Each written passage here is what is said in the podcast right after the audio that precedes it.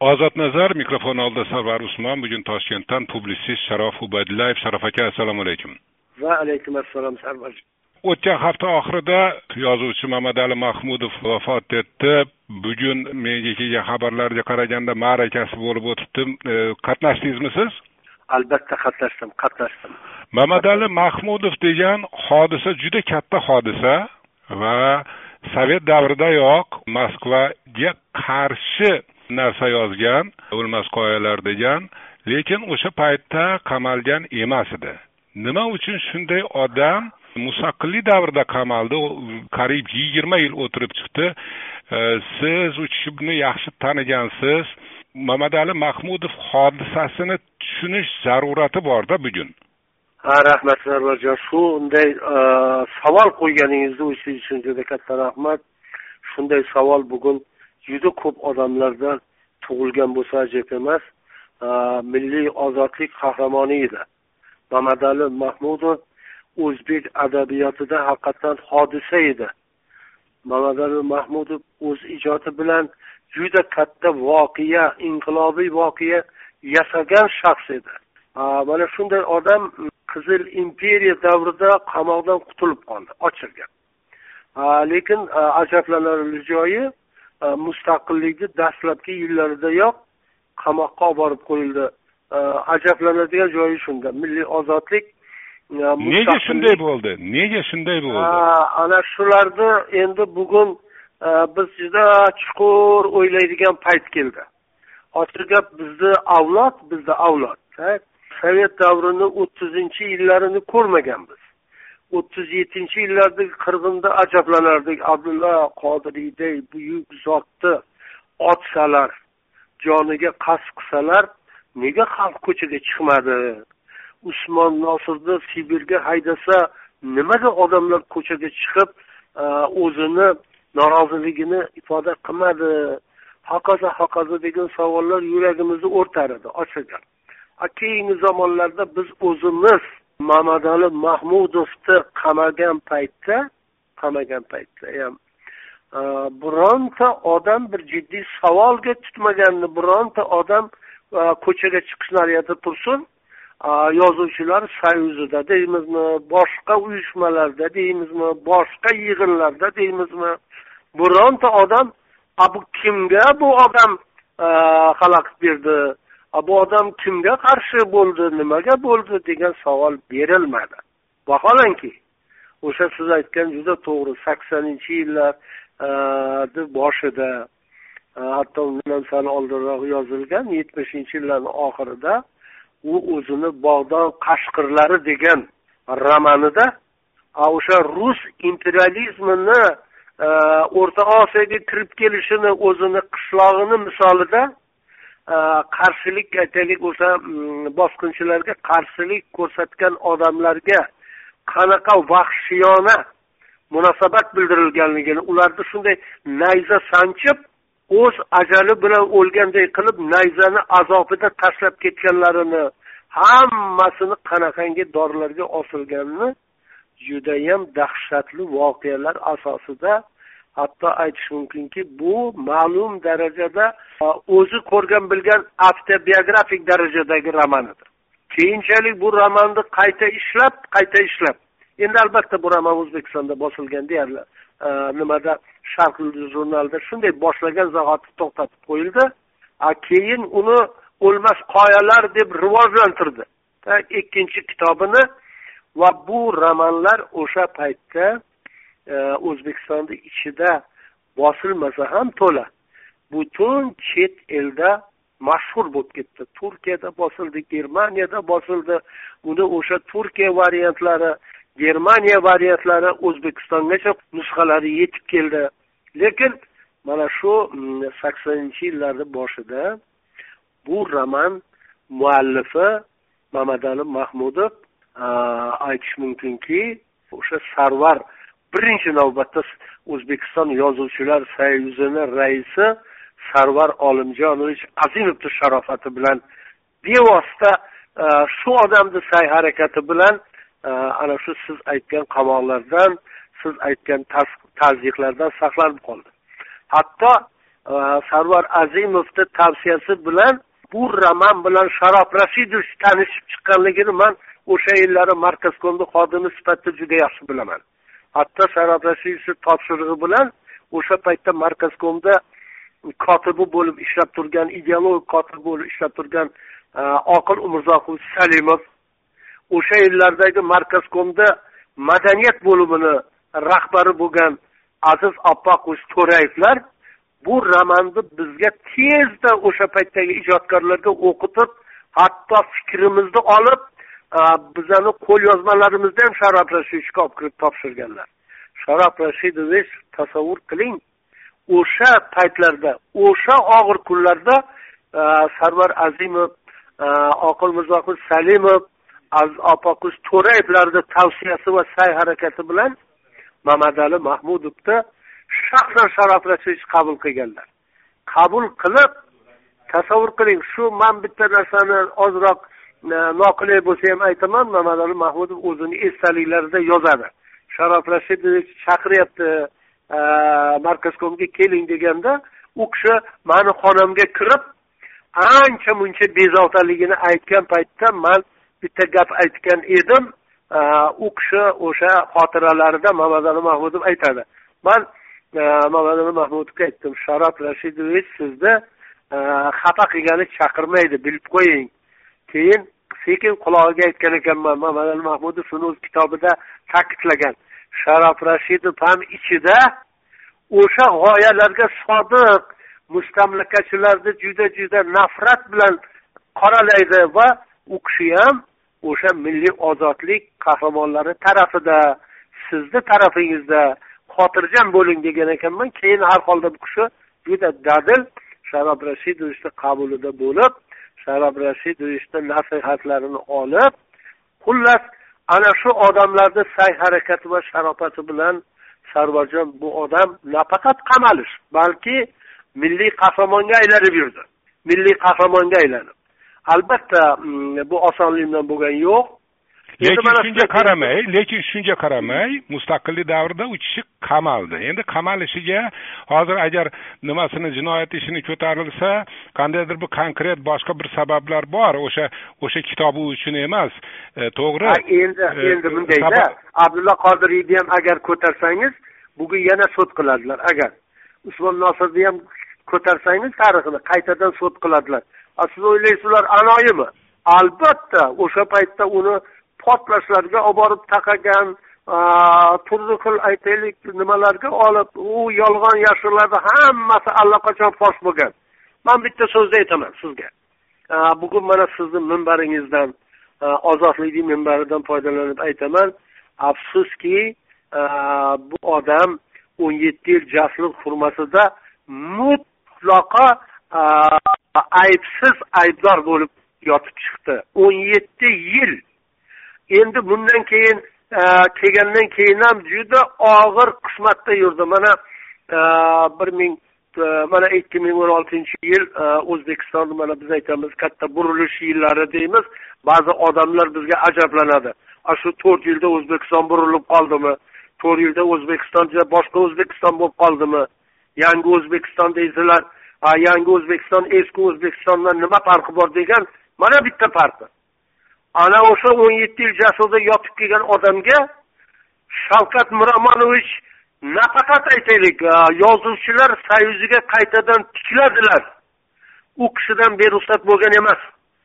Man o'zim shu masalaga oz moz hissa qo'shganman tavsiya yozganman lekin bu shavkat miromonovichdan muhtaram prezidentimizni ixtiyoridan tashqari bo'lgan emas. Yana qolaversa mehnat faxriysi oltin medali berilgan qaysiki bu faxriy unvonni olgan odamni uyiga e, alohida marmar taxtacha tablo o'rnatiladi bu uyda palonchi yashaydi degan. Ana o'sha e, mukofotni berilgandan keyin shu tabloni o'rnataylik desak mamadali mahmudov o'zbekistonni milliy qahramoni peshonasiga e, uy bitmagan. Uyi yo'q. Uni endi shu tabloda o'rnatish uchun shavkat miromonovichni muhtaram prezident mana mamadali mahmudovga qilingan marhamatlarni bittasi. U kishiga uy berildi. Uyga mana shu mana uy masalasini yana gaplashamiz. Qarangda e, sharof aka. Mana u kishini qamalishi bitta prezident bilan bog'liq. U kishi qamoqdan chiqqandan keyin u kishiga ko'rsatilgani boshqa prezident bilan bog'liq. Meni qiziqtirayotgan narsa meni qamalishi birinchi prezident lekin o'sha birinchi prezidentga ham kim bu kishini oyoq qo'lini kishallab berganini o'sha mustamlaka paytlarida alamzada bo'lgan sobiq kgb bu odamni o'sha ilgarigi alamzadalikni asosida olib qamadi. Boshqa hech nima bo'lgani yo'q bu yerda. Boshqa hech qanaqangi ayb haligilar bo'lgan emas. Vaqt soati keladi bular yana juda o'z o'rniga qaytib keladi. Chunki siz aytayotgan narsani sharof aka siz aytayotgan narsani o'sha jamoatchilik bir tushunishga harakat qilyaptimi? Endi gap shunda. ijodkorlar bilmayman o'sha e, yozuvchilar uyushmasimi? Qandaydir tushunishga va jamiyatga tushuntirishga harakat bormi yo'qmi? Endi mana siz e, hozir man tushunib turibman e, prezident shuncha marhamat ko'rsatibdilar prezident shunchalik bu yozuvchini peshonasini silabdilar. Bugun yozuvchilar idorasi yozuvchilar ittifoqi qay darajada izzat hurmat ko'rsatdi deydigan bo'lsangiz man endi bitta narsani ochiq gap aytmaslikni ham ilojisi yo'q. Bugun juda ko'p mamadali mahmudni ixlosmandlari to'plandi bugungi ma'rakaga. Juda ko'p nima yozuvchilar hamma aytish mumkin yozuvchilar uyushmasini atrofidagi faqir fuqarolarni bugun bayrami bo'ldi yig'ini bo'ldi. O'shalarni ochiq gap bugun mamadali mahmudovni o'shalar xotirladi. Lekin afsus e, nima qilamiz endi? O'sha e, abdulla qodiriyni otganda ham kimlardir suyungan bo'lsa kerak. Usmon nosirni sibirga haydaganda kecha shukurullo akalarni yigirma yil uy qamog'ida saqlagan ham bizni shu bugungi avlodimiz bo'lgan. Mana shu bugungi avlodimiz. Lekin yozuvchilar uyushmasidan bironta man rahbar odamni kichikroq rahbarini ham ko'rganim yo'q. Ochiq. Bugungi ma'rakada. Ha bugungi ma'rakada kimdir ikki og'iz gapirsin degan gap so'zlar bo'ldi aylandi aylandi. Yozuvchilar sayzidan bitta haligi bog'bonam yo'qligidan keyin ochiq gap man prezidentimizni mamadali mahmudovday insonga ko'rsatgan g'amxo'rligi marhamatini e, aytishga majbur bo'ldim. Nega man o'ylaymanki nega shunday nega shunday bo'lyapti? Masalan o'sha davlat rahbari shunaqa shunaqa marhamat qilgan odamga yozuvchilar soyuzi e, uyushmasi rahbariyati ma'rakasiga qatnashmadi. Nimaga? Endi e, bu savollar bizni hammamizni ham e, dilimizda turibdi. Mana aytaylik shu mamadali mahmudovni dunyodan ketganligini juda ko'p odam hali eshitgan ham yo'q. Buni bironta o'zbekistonda haligi jannatmakon televideniyasi yoki radiosi aytgan ham yo'q. Man bironta matbuotda bironta o'zbekiston matbuotida o'zada bir haligi nima deydi norasmiy bir nimani o'qidim xolos. Undan boshqa bironta na yozuvchilar sayzi ta'ziya bildirgan yo'q. Na boshqa bir idora ta'ziya bildirgan yo'q. Endi mm, e, mayli bizada e, ta'ziyalarga hozir o'zi e, koronavirus munosabati bilan o'zi kim ketib kim qolayotganligini ham ba'zan haligi qilolmay hisob kitobiga yetmay qolgan bir paytga to'g'ri kelgan bo'lishi mumkin. Lekin mamadali mahmudov bu oddiy shaxs emas. Bu o'zbek adabiyotida o'zbek madaniyatida o'zbek tarixida burilish yasagan odam. O'zbekiston o'rta osiyoga ruslarni bostirib kelishini adabiyotda e, bironta odam mamadali mahmudovdan na oldin na keyin haqqoniy bosmachi kim bosib oluvchi kim ekanligini hali bironta odam hozir mustaqillikni o'ttizinchi yilda ham aytgan yo'q. Bu kishidan keyin man yolg'on bo'lmasin xato bo'lmasin shu alisher ibodiyni farg'onalik ajoyib e, yozuvchi jurnalist do'stimiz. Shu kishini man madadinbek haqida yana boshqa ozodlik e, milliy ozodlik harakatini e, namoyandalari haqidagi bir qancha kitoblarini nazarda tutishim kerak albatta. Undan boshqa bu farg'onada shuhrat g'aniyevni ko'kka ko'targan o qancha qancha maddohlar bor. Lekin milliy ozodlik qahramonlariga birontasi hali hanuz bir jiddiy munosabat bildirgan yo'q. Nega? Nega shunday bo'lyapti? shuning uchun endi man yana aytaman biz abdulla qodiriy ellik oltinchi yilda oqlanganini bilamiz. ellik oltinchi yilda. Abdulla qodiriyni muzeyini kechagina ochdik shu prezidentimiz buyuk adiblarni maktabi haqida qaror chiqargandan keyin ham bu maktabni ochilishi shunchalik qiyin bo'ldi va mana shu maktabni ochilishida yigirma besh yil tish qarshi turgan bir davlat maslahatchisi abdulla qodiriy maktabini ochilishida nutq so'zlagan ekan. Bir anora degan qizimiz o'zini facebookida endi siz yigirma besh yil shu gaplarni aytsangiz bo'lar ediku ichingizda saqlab yurganingiz kimga kerak edi? degan ekan. Anorani boshida tegirmon toshi aylanib ketdi ochilgan.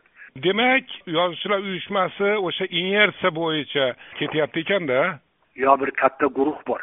Hali mamlakatda juda katta bir guruh bor. Aytamanku yozuvchilarni ittifoq bo'lishiga ham qarshi. Yozuvchilarni jips bo'lib chunki jips bo'lgan odamlarda bir fikr bo'ladi qarash bo'ladi. Yozuvchilar soyuzida majlis o'tdi deb u yerda bu yerda bir axborot eshitamiz endi bir suratini ko'rsangiz to'rtta odam u bir joyda bu bir joyda yelkasini qisib o'tirgan bo'ladi. Yarmi o'sha yozuvchilarni o'zini idorasida ishlaydiganlar? endi sharaf aka u yozuvchilarni jips bo'lishi masalasiga o'sha eskicha yondashyapsiz kommunistcha yondashyapsiz. Har bir yozuvchi chinakam yozuvchi bir alohida hodisa mamadali mahmudovdek alohida hodisa va u hodisa boshqa bir hodisa bilan nima uchun e, qaysi maqsad uchun jips bo'lishi kerak men uni tushuna olmayman. Bu bahsli masala. Keling o'sha e, mamadali mahmudovga qilingan marhamat masalasiga qaytaylik. U kishiga siz aytyapsiz mana e, prezident uy berdi deyapsiz ha? Shu uy uy masalasini ha uy masalasini gaplashaylik. E, oldin siz menga ayting mamadali mahmudovni darajasida yana kim bor mamlakatda? Uy olishga haqli bo'lgan. Yo endi bu yerda bunday. E, uy masalasida tashabbusi bilan o'zbekiston yozuvchilariga yuzdan ortiq yozuvchiga uy berildi. Uy berilgani yo'q hadya qilingani yo'q. U yuzdan ortiqqa yo to'xtang hadya yo chalg'itmaylikda chalg'itmaylik. Hadya qilingani yo'q ular ipoteka e, o'sha imtiyozli ipotekaga sotib olishdi u uylarni. Quloq soling hadya bilan ipotekani farqi bor.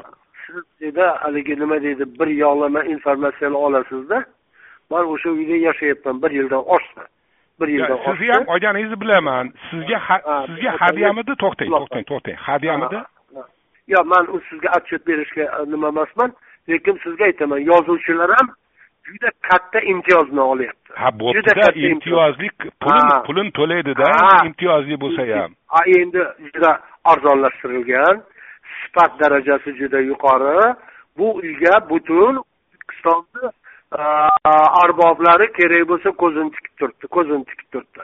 Lekin shularni hammasidan hukumat o'zbekiston yozuvchilari adashmasam bir yuz o'nta yozuvchiga imtiyozli nihoyatda yuqori standartli uy berildi yigirma yillik ipoteka krediti bilan. Bu degani arzimagan pul bilan kirib arzimagan pul bilan qutulib ketadi. Endi to'g'ri ilgari yozuvchiga bu uylar mutlaqo tekin ham berilardi e, sovet davrida hammaga tekin tekin berilardi. Endi agar yo siz siz men qarang sharaf aka sharaf aka agar sizga hadya qilishgan bo'lsa sizni haqqingiz bor. Davlatga mehnati singan.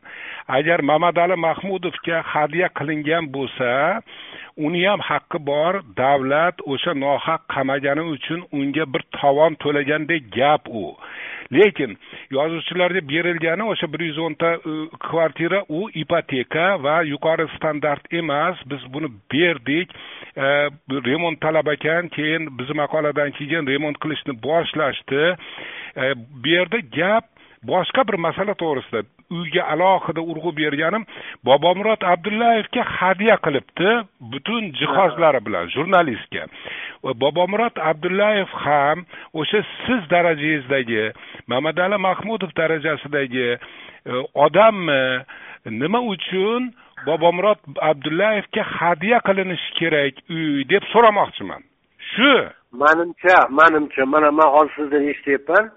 Bobomurod kecha odamlar umrboqiy qamoqqa ham olib borib qo'ygan edi buni ustiga to'qilgan haligi aybnomalarni odamni nima deydi tepa sochi tikka bo'ladigan darajada edi bishkekdan samolyot borib olib kelib buni to'g'ri izolyatorga olib kirib ketadi degan paytda bu odam qamoqqa olinmadi olinmay qoldi.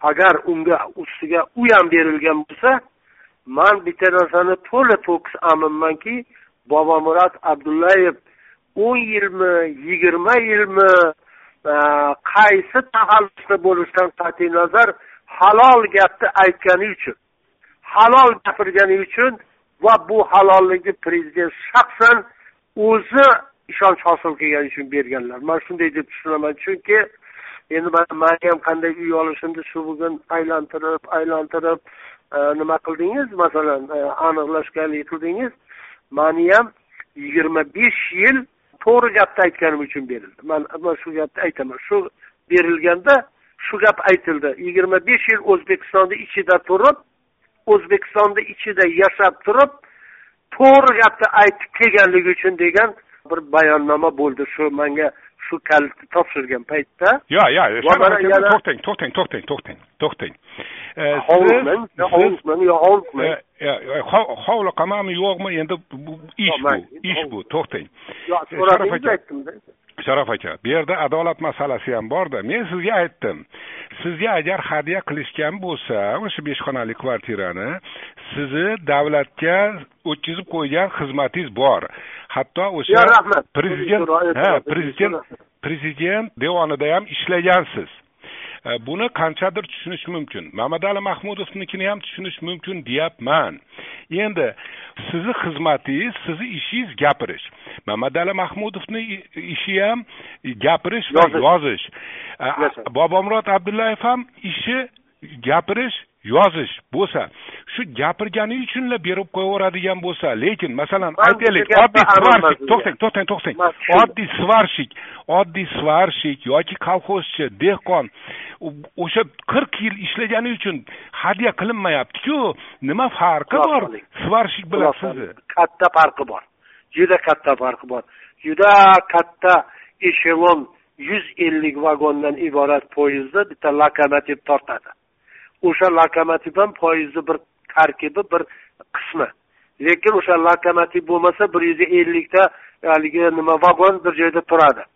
Bobomurod abdullayev o'zbekistonda yigirma yilmi yigirma besh yillik ozodlik davrida mustaqillik davrida mamlakatni botqoqqa botib ketganligini mamlakatni qanday og'ir ahvolga tushganligini yagona aytgan manbalardan bittasi bo'ldi. Vaqt keladi bobomurodni yozganlarini yozganlarini. Vaqt keladi juda katta guruh o'qib ulgurgani yo'q u turli turli e, nimalar saytlarda chiqdi masalan. Hali katta e, ommaviy e, nimalar e, axborot vositalari buni bosib chiqargani yo'q. Vaqti keladi. Bobomurodni turli taxalluslar bilan yozgan asarlari jurnalistik kashfiyot ekanligini. U qudratxo'jayev degan hozir katta jurnalistimiz bor. Katta maddohlarni ichiga kirib ketgan hozir. Ham eng katta birinchi maddohga aylangan. O'sha universitetni butun maddohlarni yig'ib olgan ana o'sha maddohlarni hammasi ketadi. Qaysi tomondan kelgan bo'lsa unutilib ketadi. Bobomurod abdullayevni asarlari o'sha yerda talabalarga o'qitiladi. O'rta qudratxo'jayevga bu yoqadimi yoqmaydimi? Uni haligi siyosatshunosligiga bu botadimi botmaydimi? Bobomurod abdullayev kelajak jurnalistikasiga maktab bo'ladi. Men roziman. Buyuk buyuk jurnalist ekan bobomurod abdullayev buyuk jurnalist buyuk jurnalist. Ha unda nima uchun o'sha uy kvartira hadya qilayotgan davlatni o'zi nega uni bishkekdan do'qillatib olib keldi? Ha mana davlat bir kishidan iborat emasda. Mana shuni bilib qo'ying. Davlat bir kishidan iborat emas. Xudoga shukur davlatni tepasida shavkat miromonovichday bir donishmand adabiyot madaniyat san'atni bir chuqur bilimdoni turibdi. Lekin служба deymiz tizim deymiz. Tizim juda abgor. Sardobani kim qo'porganini ham aytolmaymiz sichqonlarga tarmashamiz kalamushlarga tarmashamiz. Uni o'pirgan odamlar yuribdi o'zbek energiyada o'tiribdi o'zbek energiyada. Yana o'piryapti anavi burchburlarni tepalarida nimalar tepasida bo'stonlar tepasida. Aytolmaymiz chunki juda ko'p ko'p e, sohalarimizda tizimda e, oligarxlar mamlakatni egallab olgan. Man yaqinda bir juda katta buyuk e, maqola o'qidim uzada uzada mamlakatda na birinchi hokimiyat na ikkinchi hokimiyat na uchinchi hokimiyat na to'rtinchi hokimiyat boshqarmayapti dedi to'rtinchi ommaviy axborotda. Beshinchi hokimiyat o'zbekistonda paydo bo'lgan dedi. Mana uzada mana o'n kun bo'lgani yo'q. Man sizga kerak bo'lsa buni topib balki jo'natay bu bu demokratiyami yo bosh boshdoqlikmi? hokimiyat beshinchi hokimiyat oligarxlar boshqaryapti dedi. Oligarxlar. Qora ekologiya boshqaryapti dedi. Shuning uchun ajablanmang bugun. Bobomurod abdullayevni prezident peshonasini silasa ham mamadali mahmudovga shuncha marhamat ko'rsa ham ular yoqmaydigan odamlar bor. Ularni oyog'idan haliyam chalishga tayyorlar tayyor turganlar bor. Ularni narigi dunyoga ketgandan keyin ham bu yoqda tinchlik bermaydigan odamlar bor. Endi mamlakat bir kunda nima bo'lmas ekan inqilob bir kunda o'zgarish bo'lmas ekan. Shuning uchun sekin sekin bo'layapti mamlakatda. O'zbekiston yangilanyapti bunga. Mana man bitta o'zbekiston yangilanayotganiga bitta misol aytay. Ulug'bek ashur hozirgi zamonni eng buyuk jurnalistlardan bittasi xudo xohlasa qaysidir payt keladi o'sha negativni olib borgan odamga ham uy beriladi o'zbekistonga chaqiriladi peshonasi silaydi o'sha o'sha ham kecha prezidentga juda yuksak baho berdi. Judayam bu odamni jurnalistlarga yaqinligini aytdi. Sharof aka shu e, prezident bobomurod abdullayevni sharof ubaydullayevni quchoqlab turib bo'g'ib qo'ymayaptimi quchog'ida bo'g'ib qo'ymayaptimi sizlarni? Ha yo'q yo'q uy berib uy berib yo'q yo'q endi bu mana bilasizmi siz ba'zan juda haligi o'tib ketib qolasizda o'zingizni haligi nima deydi endi mana qarang uysiz ekan mamadali mahmudov shunga uy bersa mamadali mahmudovni masalasi boshqa u. U mutlaqo boshqa masala. Abdullayevni endi siz o'ylaysiz uni yozganlarini prezident o'qimadi deb o'ylaysizmi? Endi buni keyingi bir ikkita voqealarga aloqasi yo'qligini bilgandan keyin uni butun hayotini nimalarga burkagan odamlarga bo'lgan nafrat bo'ldi bu. Man mana odil yoqubov erkin vohidov e, abdulla oriflarni ayoliga turmush o'rtog'iga medal bergan orden berganlarida aytdim. Yana qayta aytaman.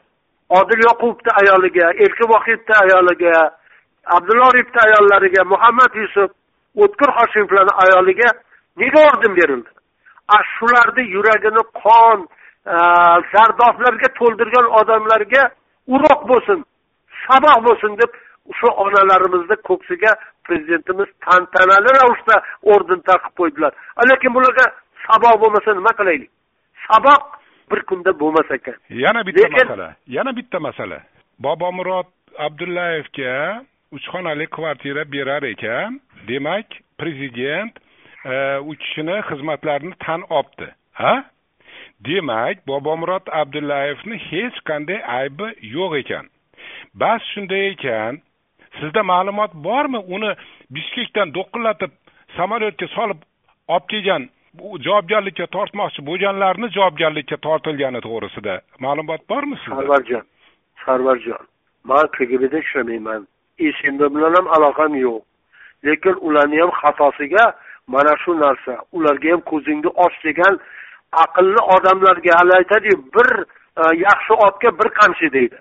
Endi ularni xatosini yana kimlarni xatosini prezident ko'zingni och degani emasmi?